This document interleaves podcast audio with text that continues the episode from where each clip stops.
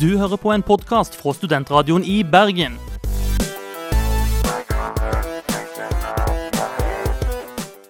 Denne og mange andre flotte podkaster finner du på podkast.srib.no.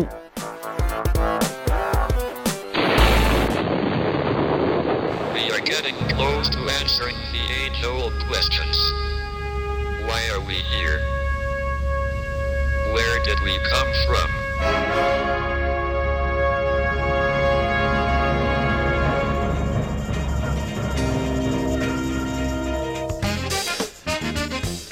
And it is Wednesday, it's 10 a.m. You're listening to Soft Science, the science show in the student radio in Bergen. Yeah, next to me is Jan Schneider and I am Håkon Setna. And today we will talk about physics a lot. We have quantum physics and we have the Physics Nobel Prize. Yeah, but uh, before that, we're gonna listen to a song from the album of the week, which is Pelbo with Join Their Game.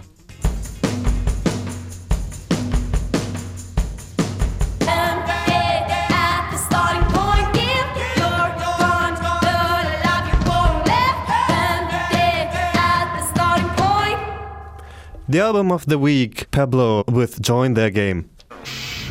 Chemie, Biologie, Psychologie, Klassophobie, Astrologie, Astronomie, Anthropologie, Archéologie, Anatomie, anatomy, Anarchie, Amnestie, Académie, Sociologie, Astronomie, Académie, Lacomie, anatomy, Lacomie, Lacomie, Lacomie, Lacomie, Faktamenologie. Klar, non, c'est chez Gaima. Soft science er svaret. Lidenskap for vitenskap.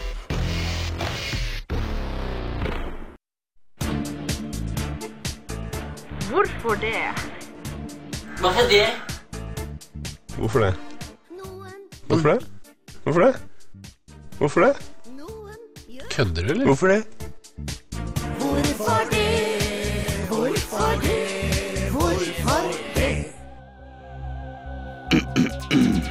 Soft Science presenterer Kvifor det? Kvifor det? Kvifor det? I dag Hvorfor lime lim? Hva er det med lim som gjør at det holder ting sammen, mens andre klistrer ting, som f.eks. honning, ikke har den samme funksjonen? Limutvikler og seniorforsker Markus Freiding gir oss svar, og han peker på tre egenskaper ved limet. For det første må lim være flytende, slik at det kommer ned i alle mikrostrukturene i overflatene. Dette omtales da som limets adesjonsevne. Dessuten må limet ha en viss koesjonsstyrke, dvs. Si at det må evne å holde seg fast i seg selv. Honning har da ikke den egenskapen, og fungerer derfor ikke som lim. I tillegg trengs det å være en kjemi mellom limet og overflaten. Eksempel egne lim som er beregna på å lime treverk.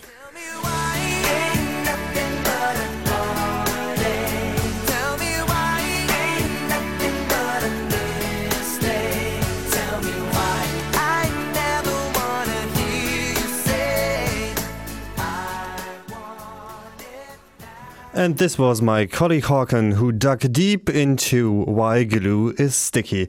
You're listening to Soft Science, the science show in the student radio in Bergen, and up next are the Dum Dum Girls, Just a Creep. Stupid girls. Hmm? Uh, kan du repetere? Hmm? Hmm? Uh, Hva? Hæ? Er du lei av å føle deg som en BI-student? Hør på Soft Science på Studentradioen i Bergen.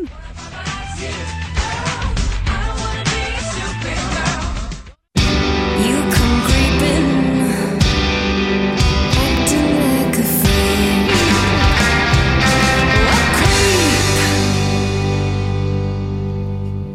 That was the Dumb Girls with Just a Creep. You're listening to Soft Science at uh, the student radio in Bergen.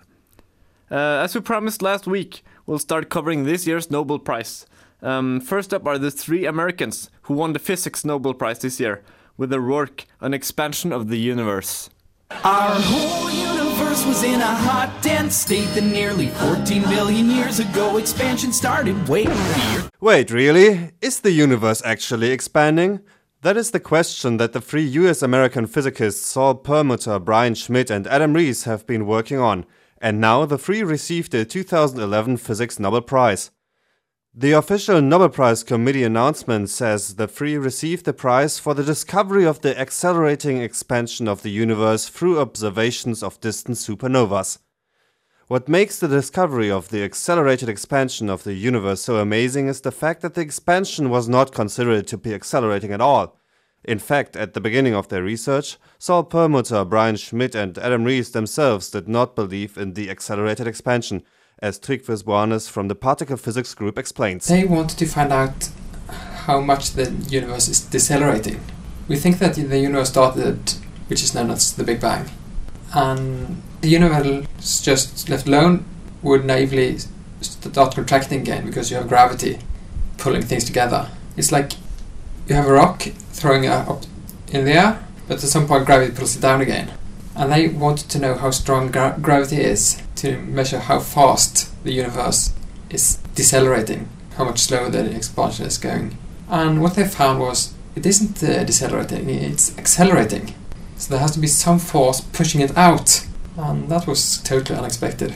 This means that when the three physicists Perlmutter, Schmidt, and Rees started their work, they were out to show that all the mass in the universe has a negative effect on the expansion. However, instead, they showed that the speed at which our universe expands is increasing. Now, the next thing one might ask is how on earth did they show that the universe, which is already so big that we can't really grasp it, is expanding faster and faster? And that is where supernovas jump into action, type 1a supernovas more precisely. These supernovas are exploding stars, and since they always emit the same amount of light, they are also called standard candles, as Tryggves Buanes explains. Supernova is an exploding star, and this work was done using a particular group of supernovas called uh, Type 1a. And a Type 1a supernova is when you have a very small star, called a white dwarf star, eating a larger star. And when that dwarf star accretes enough mass to get 1.4 solar masses, it suddenly explodes. And the thing is, it always explodes at exactly 1.4 solar masses. So the size of the explosion is exact same for all type 1a supernovas. So you know how bright they are. So by measure the apparent brightness here at Earth, you know how far away they are. So they are a standard candle to get the distances in the universe basically. So if you find a supernova 1a in a galaxy, you have a way to tell how far away that galaxy is. And in general, you don't have any other ways to do that. This means that by observing the explosion of stars and measuring their brightness, the scientists were able to determine how far these stars are away. And what they found out was that they are further away than previous models would predict. That led them to the conclusion that the expansion of the universe is accelerating. These findings are astonishing inasmuch as scientists are unable to come up with explanations as to what drives the expansion. What is clear, though, is that there are many amazing findings in this field to be made, all of which will help us understand where the universe comes from and where it will go. This is my colleague Jan Schneider on this year's Physics Nobel Prize.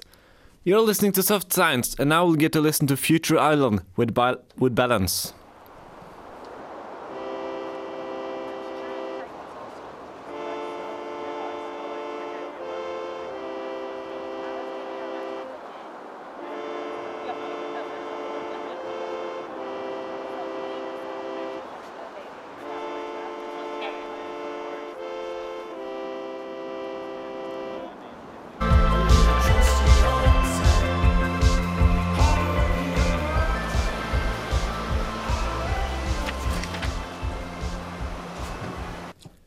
Kvanteverdenen er full av paradokser. Et av de mest kjente er det såkalte Eirstein-Podolsky-Rosen-paradokset. Einstein mente at naturen selv på kvantenivå var mulig å forutsi, altså at den var deterministisk, og at du kunne greie å måle alt av egenskaper til partikler. Niels Bohr mente derimot at ting var litt mer usikkert. Etter hvert fant man ut hvem som hadde mest rett av de. Men hvem var det egentlig som ble motbevist? Naturen er nærmest full av uforklarlige fenomener. Og blant de aller merkeligste finner vi mange som dreier seg om hvordan elementærpartikler påvirker hverandre. Det kan f.eks. skje at en knøttliten partikkel, som et pion, sender ut to fotoner i motsatte retninger. De her partiklene kan ha spinn, og de vil også være motsatt av hverandre. Så er det sånn at de kan ha spinn rundt flere akser. La oss si X-aksen og Y-aksen. Så forenkla kan vi tenke oss at det oppfører seg som eh, fotballer. Det ene fotonet vil da kanskje spinne til venstre, noe som medfører at det andre det spinner til høyre. Og spinner den ene oppover, så spinner det andre fotonet nedover.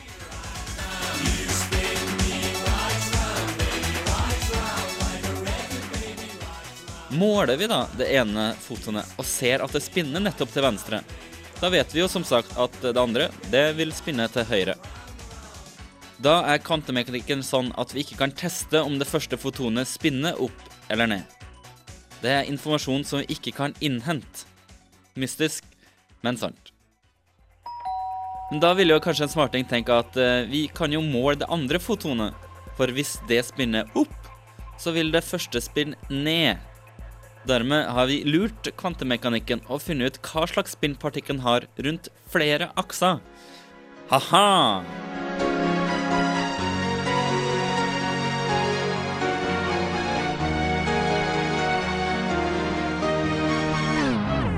Men nei da. Det viser seg at vi ikke har mulighet til å måle om det andre fotonet spinner opp eller ned heller. Fotonene er på en eller annen måte kobla sammen.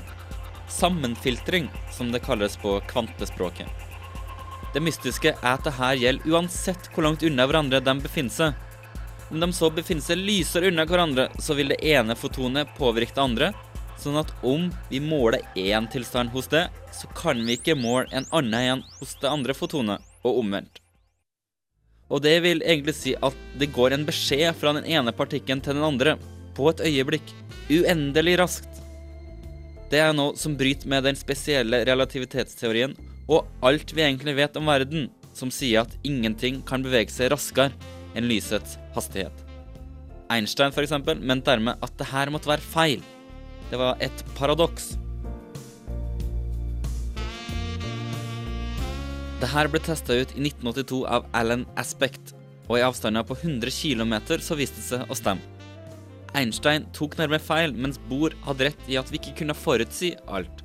At vi først vet noe når vi måler det, og at det da vil påvirke andre sammenfiltra partikler. Totalt ulogisk, men det viser seg å funke.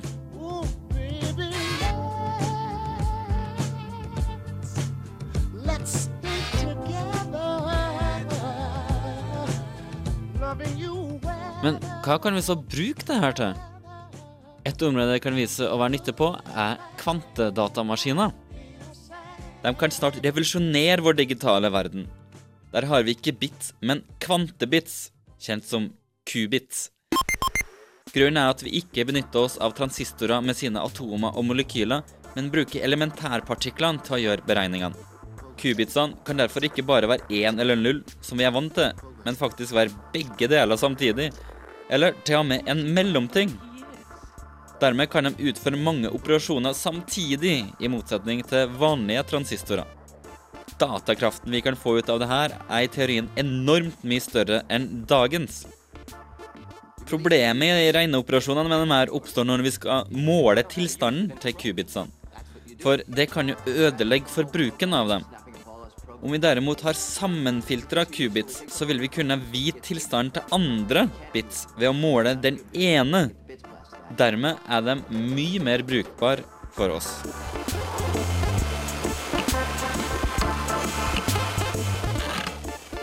Det var Olav.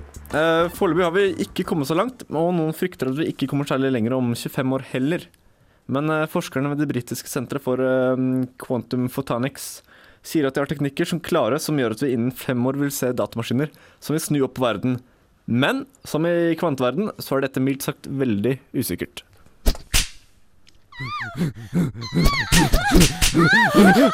Vi har så god kjemi. Vil du se fysikken min? Jeg er C3H3N. Lateks. Gjør vitenskap deg hard?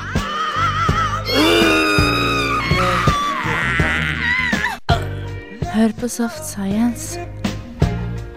Let's get it on.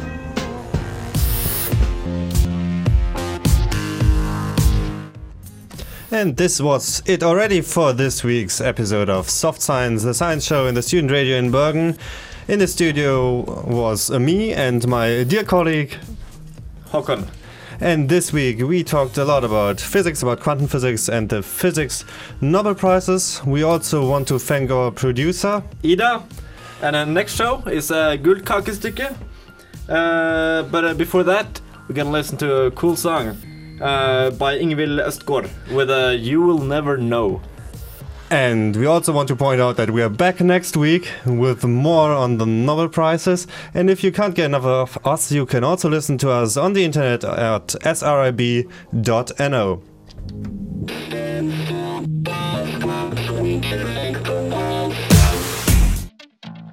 Hei, dette er Knut Jørgen Rød Ødegård.